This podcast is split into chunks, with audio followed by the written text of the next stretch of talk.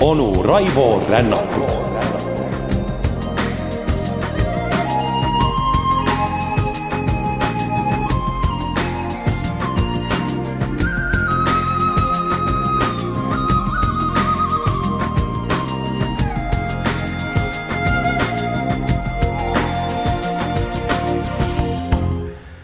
ja tere hommikust jälle, head sõbrad!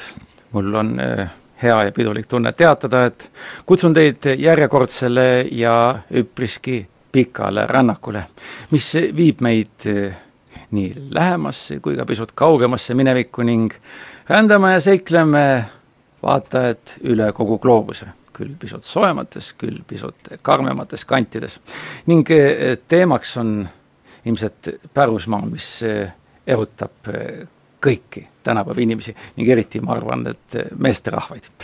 ärgu olgu triviaalselt öeldud, kui eh, haakub meie teemaga sääraste jällegi tuleb öelda, et meeste meeli erutavate filmidega, nagu seda on James Bondi saaga või siis eh, kas või Briti eh, siseluure ehk MI viie tegevust teleseriaalis nimega Spioonid ja Spuuks ning ehkki see võib tunduda triviaalselt, on seal nii eh, mõnigi episood väga tabavalt ja elulähedaselt ära tabatud. nii et tõesti, tõesti, kutsun ma teid endaga kaasa Briti eh, salaluure mängumaadele läbi aegade ning siinkohal on mul asendamatuks eh, abimeheks siinkohal suur tänu ja tunnustus kirjastus Olioni poolt üllitatud raamat, kus selle ala vaieldamatu ekspert Gordon Thomas pühendab meid sellele maailmale ning siia juurde siis loomulikult ka mõningad kommentaarid minu üpriski eh, puudulikust teadmiste varasalvest. aga asugem teele ning eh, me läheme aastasse kaks tuhat seitse ning kujutagem siis ette, kuidas luksuslikud Briti limusiinid sõidavad. täpselt äh, samamoodi, nagu seda kirjeldab ka äh, hiljutisest James Bondi filmist pärit äh, soundtrack filmist Quantum of Solace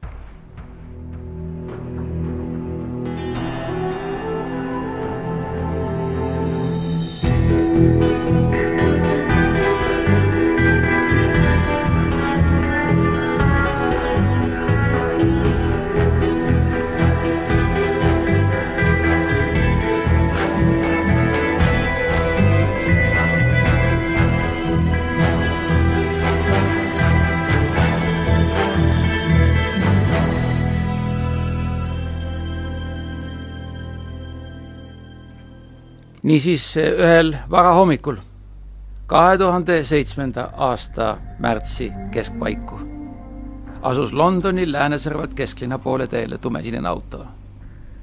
roolis oli juht Scotland Yardi eriosakonnast ja ainsast tagaistme reisijast Sir John MacLeod Scarlettist, neist lausa kiirgavat Briti ühiskonna ladviku võimukust. otsekui oleks tegemist mõne parkuri või siis suurkompanii presidendiga. seda muljet tugevdas ka tema riietus, sest seljas oli tal rätsepõlikond, mis pärines firmast Gives and Hawks ning olgu kõrvalepõikena öeldud, et kunagi meiegi rääkisime säärasest äh, klassikaliste ülikondade äh, meka Põiktänavast äh, Londoni südalinnas, kust pärit kõik need siniväreliste jaoks õmmeldud ülikonnad, ehk siis tänavakesest nimega Savile Row. seda täiendas, eh, mis puudutab tema riietust, veel topeltmansettidega särk ning eh, veel ühe establishment'i tugipunkti Travelers Clubi lips. kes oli siis see mees? mõjukuselt eh, vaata et üks tähtsamaid mehi riigis, sest et Scarlett oli tema majesteedi salaagent, peaspioon, kes oli ammu aru saanud, et tegelikult puuduvad luureandmete kogumise malelaual igasugused reeglid. ehkki nüüd juba viiekümne üheksa aastal oli Scarlett säilitanud oma eripärase kõneviisi, mille ta oli omandanud erakoolis Epsom College'is. me puudutame seda ka tulevikus, kust tuleb lausa reeglipäraselt välja, kuidas värvatakse tippagente ning seda otse tippülikoolide nii-öelda koolipinkidest. just sealt on pärit see kõrgklaasi aktsent, mida iseloomustavad säärased eh, hääldusfinessid nagu in the moon või about, see on kõik pärit just selle ühiskonnakihi kõnepruugist. ta jätkas oma õpinguid Oxfordi Magdalen College'is, kus ta tudeeris ajalugu, enne kui ta asuski tööle MI6-de ehk salaluureametisse, mis tegeleb välisluurega. ärgem aegem siis seda segamini MI5-ga, mis tegeleb just nimelt sisejulgeolekuga, ehk siis eh, olgu see ekvivalendiks meie kapole. kolmekümne kahe aasta jooksul tagas sellele mehele tema nutikus, pideva edutamise, kuni lõpuks saigi temast asutuse ülem, täpsemalt neljateistkümnes isik sellel ametikohal ja juba samal aastal lõi kuninganna ta rüütliks.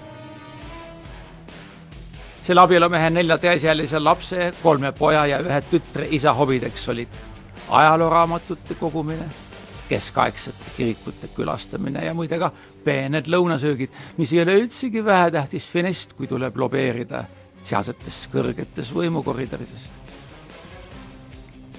Need mõnusad meelelahutused sobisid imehästi kokku tema kabineti massiivse mahakondlauaga, mis oli kunagi ehtinud, uskuge või mitte, lord Nelsoni enda admirali kajutit, tema lipulaeva Victory pardal, ning mille taga oli samamoodi istunud ka Scarletti eelkäija. laual seisis Victoria-aegne rohelise tindiga täidetud tindipott, selle kõrval Parkeri sulepea, millega Scarlett kirjutas alla kogu oma kirjavahetuse ja laua sidekonsoolil oli otseühendus peaministri, MI5 juhi, CIA direktori, Euroopa riikide luuretalituste ülemustega ning leidus ka nupp, mis aktiviseeris kolme tuhande kilomeetri kaugusel asuva Mossadi ehk Iisraeli salaluure peadirektori lauatelefoni.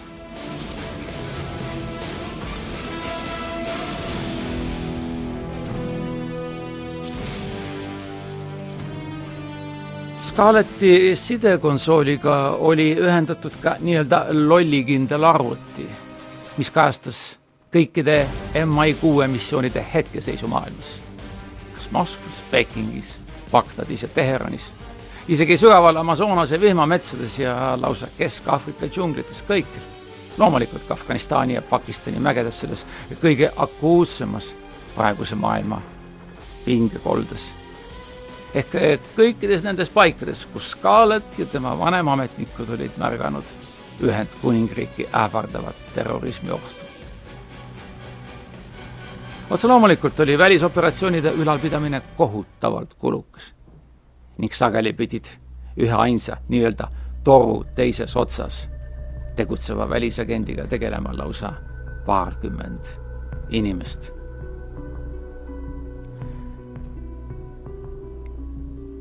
nagu juba öeldud, MI6 on eh, Suurbritannias välisriikide tegelev salaluureamet ja võrgustik hõlmab kogu maailma. see vastutab ainult Briti välisministri ja MI5 vastavalt siis siseministri ees. nii näeme me ka telesarjas Spooks, kus eh, selle pealik eh, Harry Pierce käib pidevalt aru andmas siseministri ees oma tegevusest ja mõlema talituse ülema määrab ametis olev peaminister. ja nemad omakorda on ühendatud, ühendatud luurekomitees. tõlkes siis Joint Intelligence Committee, lühendatud JIC, mis on luureasutuste ühenduslüliks suhetes valitsusega. ja otse loomulikult, nagu öeldud, on sellesama MI6 ülemal ja ka MI5 peadirektoril otsene vahetu pääs peaministri jutule, ükskõik mis kell, ükskõik kus kohas. ning praegusest globaalsest terroriohust tingituna teevad mõlemad talitused väidetavalt tihedat koostööd. vaat see koostöö eh, on erakordselt tähtis, mis eh, omal ajal vedas alt eh, USA luuretalitused, kas siis realiteedist või siis tõesti mitte heast kommunikatsioonist, et sai juhtuda säärane kataklüsm, nagu seda oli üheksa üksteist USA-s. pärast Al-Qaeda rünnakut Ameerika Ühendriikidele sel samal üheteistkümnendal septembril kahe tuhande üheteistkümnendal aastal pole needsamad kurikuulsad eelarvekaalutlused luurajatele enam muret teinud.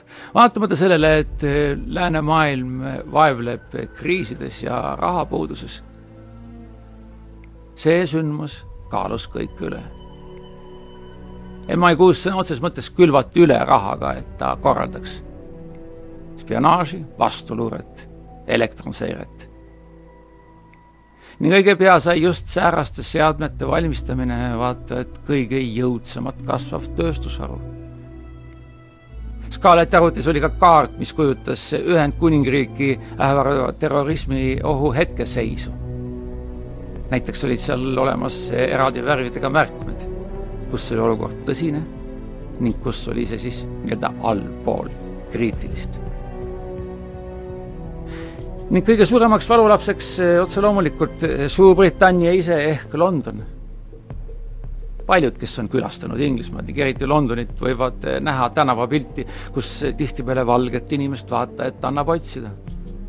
eks see kõik on koloniaalimpeeriumi pärand ja taak. sellest siis ka rahvastiku koosseis ning sellest ka nii peadpööritavalt raske selekteerida välja, kes siis on truualamlikud Briti kodanikud ja kes hoopiski vaenlane. nii näiteks oli eh, London sellel kaardil varus, mis tähistas MI6 arvata linnas tegutsevate islamistide rakukeste arvu.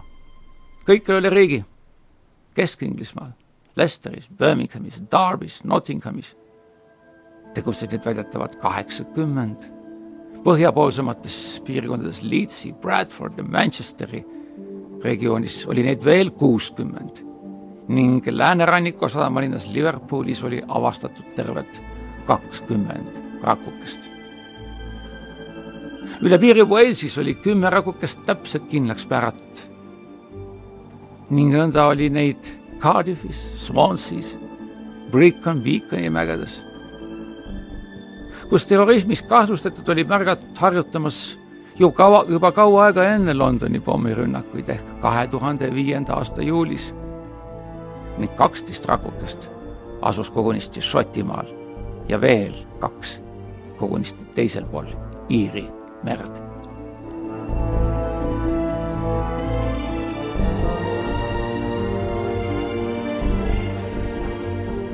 kusjuures see, kogu see võrgust oli äärmiselt raskelt tuvastatav.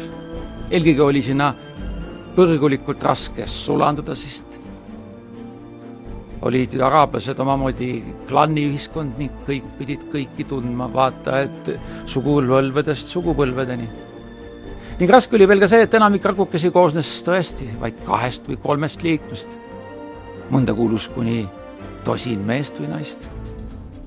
ning pärast radikaalset ajupesu, millega väga aktiivselt tegutsesid imaamid ning mida rahastati väljaspoolt ning millesse me samuti jõuame veel süveneda olid nad kõik sulandunud omamoodi kogukondadesse, eh, keda kutsuti tukkuragentideks ehk siis sleeperiteks, magajateks, kes pidasid üksteisega sidet reedestel mošeepalvustel ning sõna otseses mõttes ootasid rünnaku käsku. mis puudutab aga eh, päevatööd, siis tegid nad seda igapäevaselt, kas siis kooliõpetajate või kolledži õpilaste, arstide, põetajate poepidajate müügimeesteni välja, nii et tegemist ei ole üldsegi mitte ühiskonna põhjakihtidega, vaid täiesti nii-öelda normaalsete töötegijatega. Ning tuleb öelda, et Al-Qaeda oli langetanud äärmiselt õige otsuse nende poolt vaadatuna, eelistas värvata just nimelt pigem ülikooli lõpetajaid kui lihtsalt mitte eriti asju jagavaid tänavanurgal logelejaid.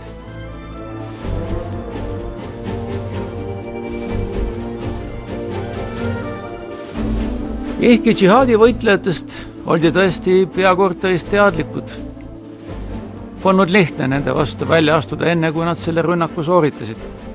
muidu nad lihtsalt haihtusid.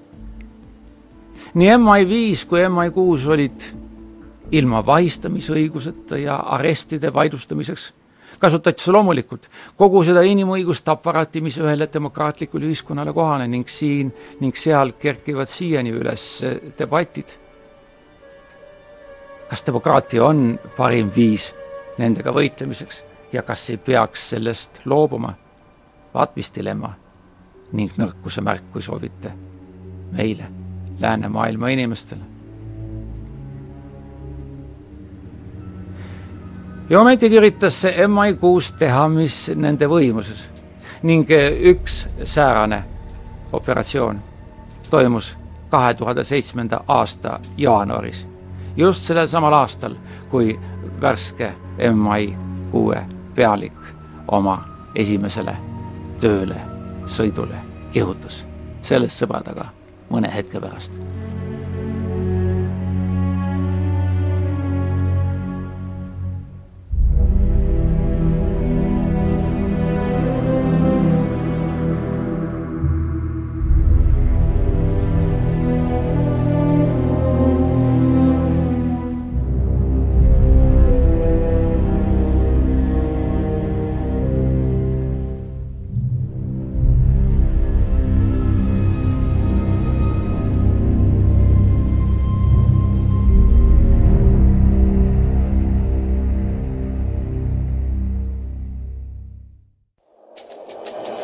onu Raivo Rännakut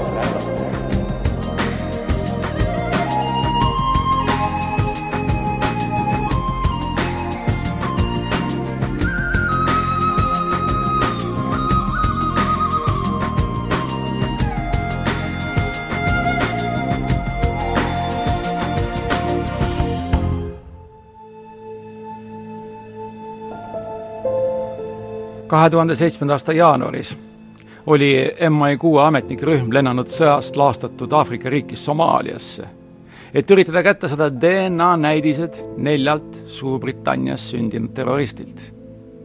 Need olid kuulunud sajakonna džihaadi võitlejate hulka, kes hukkusid USA pommirünnaks, mis korraldati Al-Qaeda treeninglaagrile üksildasel Lammu saarel India ookeanis. jällegi oli tegemist meestega, kes olid sündinud ja kasvanud Leedsis. ning need olid lihtsalt teatanud oma perekondadele, et lähevad külla oma sugulastele Pakistanis, Islamabadis. selle asemel aga reisisid nad Somaaliasse, ühinesid teiste Hispaaniast, Prantsusmaalt, Itaaliast ja Saksamaalt pärit džihaadi võitlejatega Nende nelja Briti passi sissekanded olid paljastanud lammu teekonna elektroonilisi jälje, mis kulges läbi Ateena lennujaama Mogadishuni ehk siis Somaalia pealinnani. ning sealt olid nad rännanud Laamule, jõudes kohale vaid paar päeva enne USA hävituspommitajate rünnakut, kes oma andmestikule tuginedes olid otsustanud selle platsdarmi hävitada. see ka tehti ja nende surnukehad maeti koos hukkunutega viivitamata maha. seda tegid instruktorid, kes omakorda pagenesid tagasi Somaalia Mogadishusse. kolm ohtlikku päeva aitasid ametnikud SAS-i ehk siis Briti salastatud eriväeosa, kellest samuti oleme pikalt rääkinud ja vastavasisulise USA Delta Force'i eriväelaste katse all kaevati välja surnukehi, mis olid maetud madalatesse haudadesse, sest sügavaid lihtsalt kaevata ei olnud aega. ja neljandal päeval tõid nad päevavalgele neli britti, kusjuures nendel kõigil oli pass ikka veel taskus. Nende DNA näidised toimetati USA lennukikandjale ja töödeldi laeva pardal enne läkitamist lennukiga Londoni kohtu patoloogidele, et võrrelda neid teiste DNA proovidega, mis oli saadud eh, paraku nendesamade meeste pahaaimatmatult eh, need andmed andnud perekonnaliikmetelt. MI6 tehnikaosa eksperdid olid passiandmete põhjal kindlaks teinud nende hukkunute kodused arestid.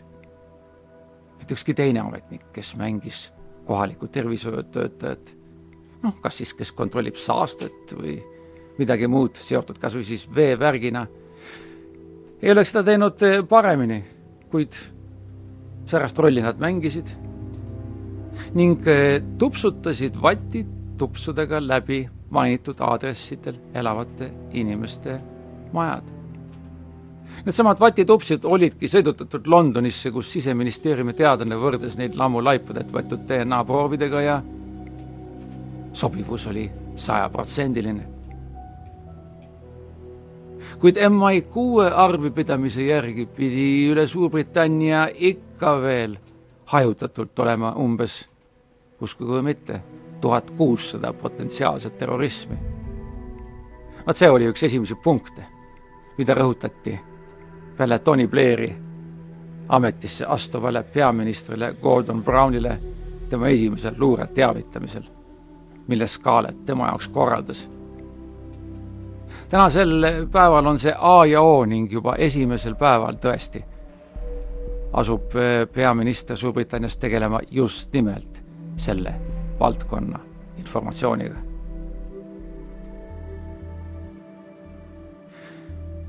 Mis puudutab Suurbritannia poliitikat, siis eh, teame, et eh, Tony Blair, kes oli lausa kümme aastat pidanud peaministri põlve, loovutas oma nii-öelda trooni, täpsem oleks siis öelda peaministri tooli Gordon Brownile. see on tegelikult üleüldine Briti komme, samamoodi ka Margaret Thatcher, nii pädev ja nii efektiivne, kui ta ka oli, tegi seda ning seda tehakse väga pragmaatilistel põhjustel jääda võimule oma äh, partei esindajate kaudu ka siis, kui publik lihtsalt tüdineb nägudest ning soovib vaheldust. see puudutab ka meie armsat Eestimaad. Säärased äh, statement'id on ju välja antud kas või meie peaministri poolt ning sellele midagi drakooniliselt. säärane lihtsalt on tänapäeva poliitika ning täpselt samamoodi oli see ka Suurbritannias kui nii-öelda säärase tegutsemise etalonriigis ning tuleb öelda, et eh, Tony Blair oligi see mees, kes eh, Scarletti säärase tähelennu taga oli, kes oli tema poliitiline mentor ning ka kaitsja Whitehalli ehk siis eh, Suurbritannia valitsuskeskuse nii-öelda džunglis. siis oli ta ka Scarletti soovituse vastaselt langetanud erakordse otsuse ning kuulutanudki, et langeb poliitikast välja ehkki, nagu öeldud, oli tal veel kaks aastat ametiaega ees. Ja MI6 siseringis otse loomulikult spekuleeriti, et kui Blair ametist lahkub, siis ilmselt läheb sealt ka tema vastne soosik Scarlett nimelt kriitikud ei olnud unustanud õnnetust, kui Blair valitsuse kriisiistungi kahe tuhande kolmandal aastal kokku kutsus ning oli valmis tormama Iraagi sõtta. see on seesama kurikuulus ja õnnetu intsident, kus Blair ülepeakaela uskus võimalikke infokilde Saddam Husseini massirelvade võimekusest ning mis omamoodi maksis talle maine ja koha ning mille salane informatsioon, nagu me teame, osutus pehmelt öeldes ebapiisavaks ning läkski maksma ka peaministri renomee. Kõik see loetigi välja Scarletti eh, nõndanimetatud tuhmkollasest toimikust, mille kaantel ilutses Püha Jüri Punane Rist, kus olidki needsamad viimased luureandmed Bagdadist. Blair oli kutsunud nii tema kui ka ühendatud luurekomitee esimehe valitsuslaua äärde ning haaranud kinni. ehk äh, üritanud välja pigistada iga võimalikku infokildu selle kinnituseks, et Iraaki tõesti peaks sisse minema. Ning see väide rändaski õnnetul kombel dokumenti, mis sai Blairi allkirja ja esitati siis parlamendile. nii et omamoodi oli Scarlett see, kes andis kaaluka panuse sellesse paraku õnnetusse ettevõtmisse.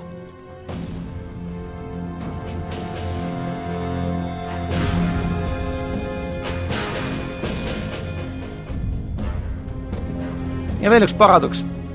Selleks ajaks, kui Scarlettil oli juba teada, et tegelikult ei olnud Saddam Husseinil kõiki neid rõuge pisikutega täidetud lõhkepäid ega mobiilseid keemialaboreid, mis uitasid öösiti Iraagi kõrbes. samuti mitte tuumarakette, mis oleksid võinud tulistada neljakümne viie minutiga Kuveiti koonduvate koalitsioonivägede pihta, kus tõesti mitte midagi ei olnud, oli ometigi nii-öelda peltsepull laekast välja lastud. Ja kui tuli välja, et nimelt Scarletti pealekäimisel olid dokumenti sisse võetud niinimetatud ehedast kullast tõendid. see eh, kõnekäänd levis pressimeedias muide eh, üpriski tugevalt. siis, kui see kõik välja tuli ning osutusid eh, fantaasiateks, oli Scarletti vastane kriitika tõeliselt äge ning üldsus hakkas nõudma tema tagasiastumist ja vot nüüd sootuks teistsugune sündmustik. selle asemel nimetab Tony Blair ta hoopis MI kuue peadirektoriks. jahmunud salaluureamet ei suutnud seda uskuda. paljud ametnikud ei näinud selles mitte midagi rohkemat kui lihtsalt Blairi tänuvõla tasumist Scarlettile toetuse eest nendesamade massihävitusrelvade asjus. seda seisukohti jagati ka Kaitseministeeriumis ning paraku õnnetult ka Langley koridesse ehk CIA peakorteris Virginias. ning eh, Washington oli paraku see, kes tagas massihävitusrelvade küsimuses eh, ka eh, Scarlettile vastavad tegutsemishoovad. nõnda oligi temast saanud luureülem, kes oli teinud katastroofilise vea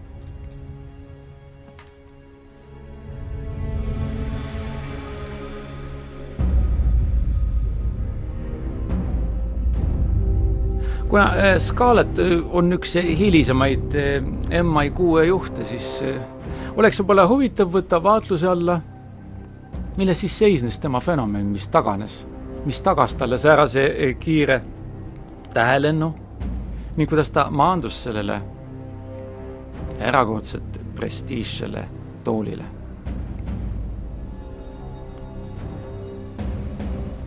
keegi tema Oxfordi õpetajatest olla olnud tõeline MI kuue talendikütt. üleüldse oli kombeks, et tihti endised kõrged luureametnikud pensioniks maandusidki säärastele Cambridge'i ja Oxfordi kraadi ülikoolide professoritoolidele, kus neil oli erakordselt hea ülevaade kõige võimekamatest tudengitest. eks nõnda Scarlett silma jäigi. ning pärast seda, kui Scarlett oli teinud läbi koolituse Fort Monctonis, Gosporti lähedal Hampshire'i krahvkonnas suunatigi ta edasi Aafrikasse. mis seal juhtus? ja millised olid need esimesed sammud, mis tagasid talle nii vajaliku suhtlusringkonna ja nii vajalikud kontaktid, mida ta talle omase hea kasvatuse, koolituse ja šarmiga ka ära kasutas. sellest kõigest mõne hetke pärast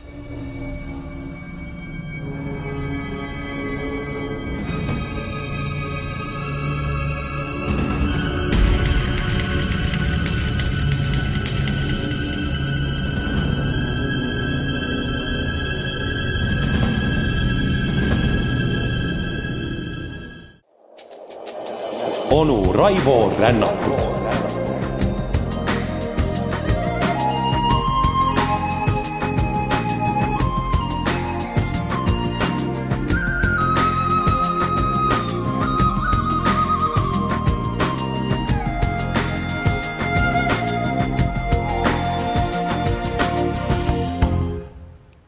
ja üheks väga heaks illustreerivaks episoodiks on see, kui Scarlett suunatakse Nairobisse, kus tema esimeseks visiteerimise sihtpunktiks oli tol ajal omamoodi juhtlus justkui kõikide tähtsamate spiooniradade ristpunkt, milleks oli Oasis klubi Norfolk hotelli lähedal.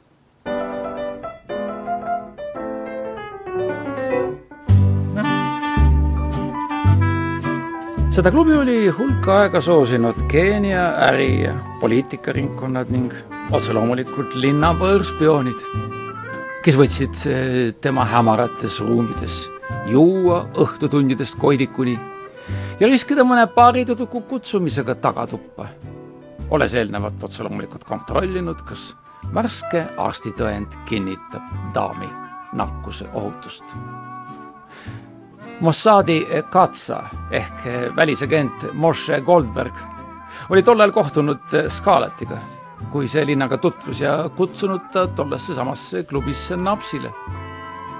hilisõhtul oli nendega liitunud veel üks Lõuna-Aafrika luureametnik, kes kainena oli muidu mõnus jutuvestja, purjuspäi, aga võis ta muutuda matslikuks ja vägivaldseks kui Marmen äh, tõi neile uue joogiringi, siis pollas, pillas ta kogemata ühe klaasi sisu lõuna-aafriklase safari kuuele ning nagu Goldbeck kirjeldas, tormas mees teenindaja kallale ning siis kargas Scarlett püsti ja püüdis teda tagasi hoida. kogu klubi pakatas. Scarlett aga tellis kelnerilt uued joogid, pöördus lõuna-aafriklase poole ja lausus, et siin pole kaplin no see oli näidistund, kuidas ühitada enesekindlust resoluutsusega, meenutab hiljem Goldberg. ning seesamas Keenias pani Scarlett väga osavalt mängu kõik oma sotsiaalsed oskused. nagu juba öeldud, oli ta lugenud mees, nautis poolomängu ja seltskonnaelu ning see tagas talle kontaktid kõige kõrgematesse ringkondadesse. ja tema ettekandeid peeti Londonis tõesti kõige inforikkamateks.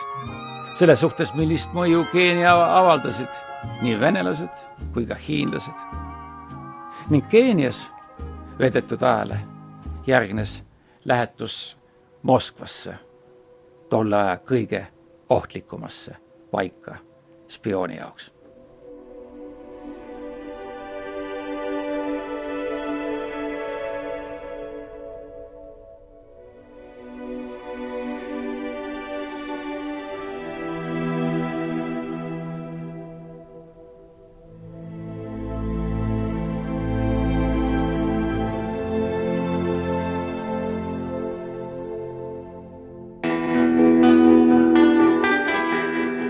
Skaletteri lõpetas oma teist ringkäiku Venemaa pealinnas, kui KGB ta tuhande üheksasaja üheksakümne neljanda aasta jaanuaris tabas kohtumiselt oma kontaktisiku Vladimir Sintsoviga.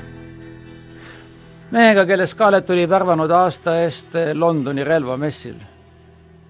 Sintsov oli ühe Moskva relvatehase ekspordijuht Vene luureohvitserid sõna otseses mõttes kargasid eh, kahe mehe kraesse otse kohvikus Kremli külje all. Scarlett oli äsja maksnud kinni Sintsovile kinni viimase info relvamüügist Süüriale ja Iraagile, samuti saanud Sintsovi Budapesti, Pariisi ja Damaskuse kontaktisikute nimed. Scarlett saadeti maalt välja, oli tal olemas ju diplomaatiline puutumatus ning reeglipäraselt eh, tegutseti ju ikka saatkonna töötajate nimesildi vaimus. Sintsov aga, õnnetu mees, mõisteti kümneks aastaks sunnitööle Siberi vangilaagrisse, kus ta ka suri. kümne kuu jooksul, mis nad teineteist tundsid, oli Scarlett aga maksnud talle ühtekokku kõigest kaheksa tuhat nael sterlingit. Scarlett aga määrati kantselei tööle MI6 julgeoleku ja avalike asjade osakonna direktorina. nii et edutus muudkui käis. see ametikoht nõudis temalt eh, toimimist omamoodi talituse sisemise vahikoerana. ning avalikes asjades oli tema ainsaks rolliks kanda hoolt, et meedias, pange tähele, ilmuks võimalikult vähe lugusid MI6 kohta no tuleb öelda, et ka äh, samad reeglid kehtivad äh, meil siin Maarjamaal ning minu meelest on täiesti tervitatav, et säärast institutsiooni nagu Teabeamet äh, justkui pressiveergudel ei eksisteerigi. ning Scarlett täitis mõlemaid ametikohustusi, nagu kõrvalseisjate poolt märgiti, külma tõhususega ning paraku nii mõnigi ametnik, kes ei vastanud Scarletti mõõdupuule, leidis end äkki töötute hulgast.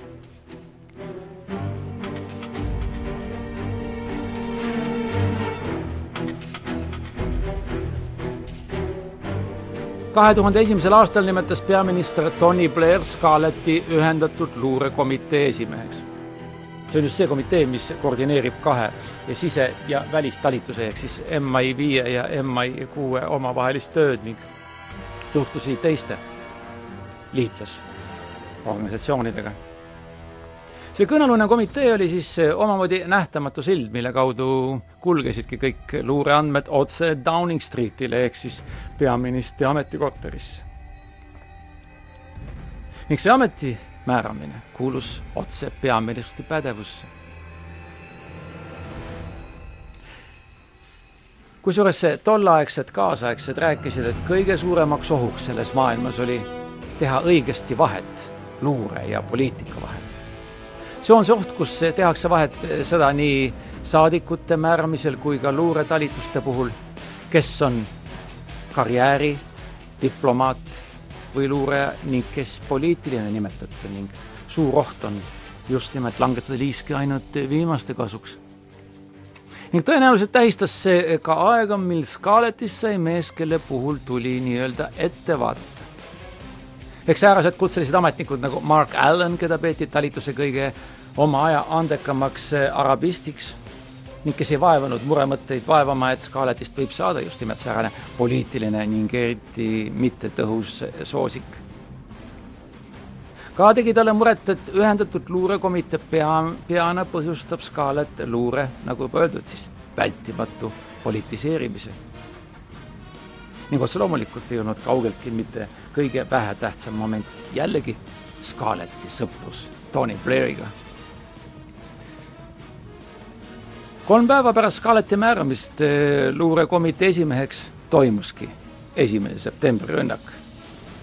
Scarlett nägi, kuidas Maailma Kaubanduskeskusele Pentagonile sooritatud rünnaku nii-öelda võigas lihtsus rabas oma tummaks tegeva äkilisusega ning seda kogu USA luurekonda, mis oli lausa paralüseeritud.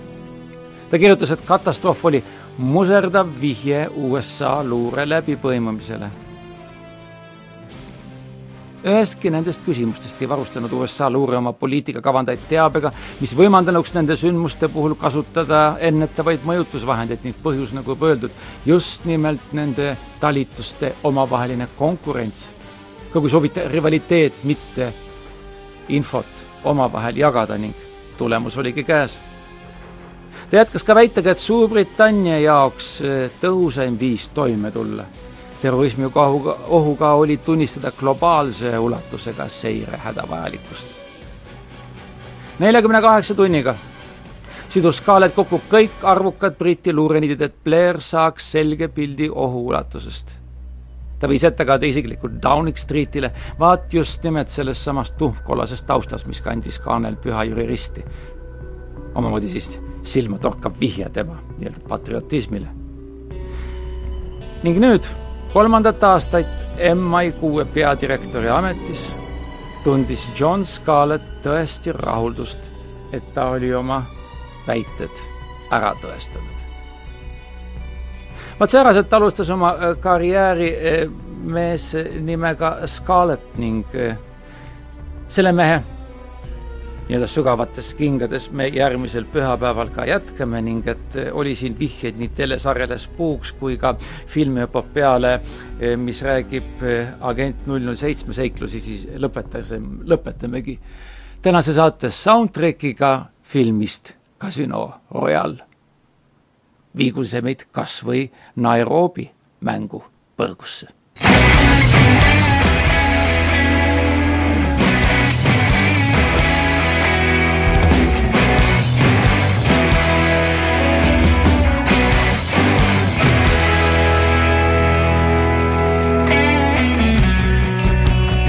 take life, do you know what you give?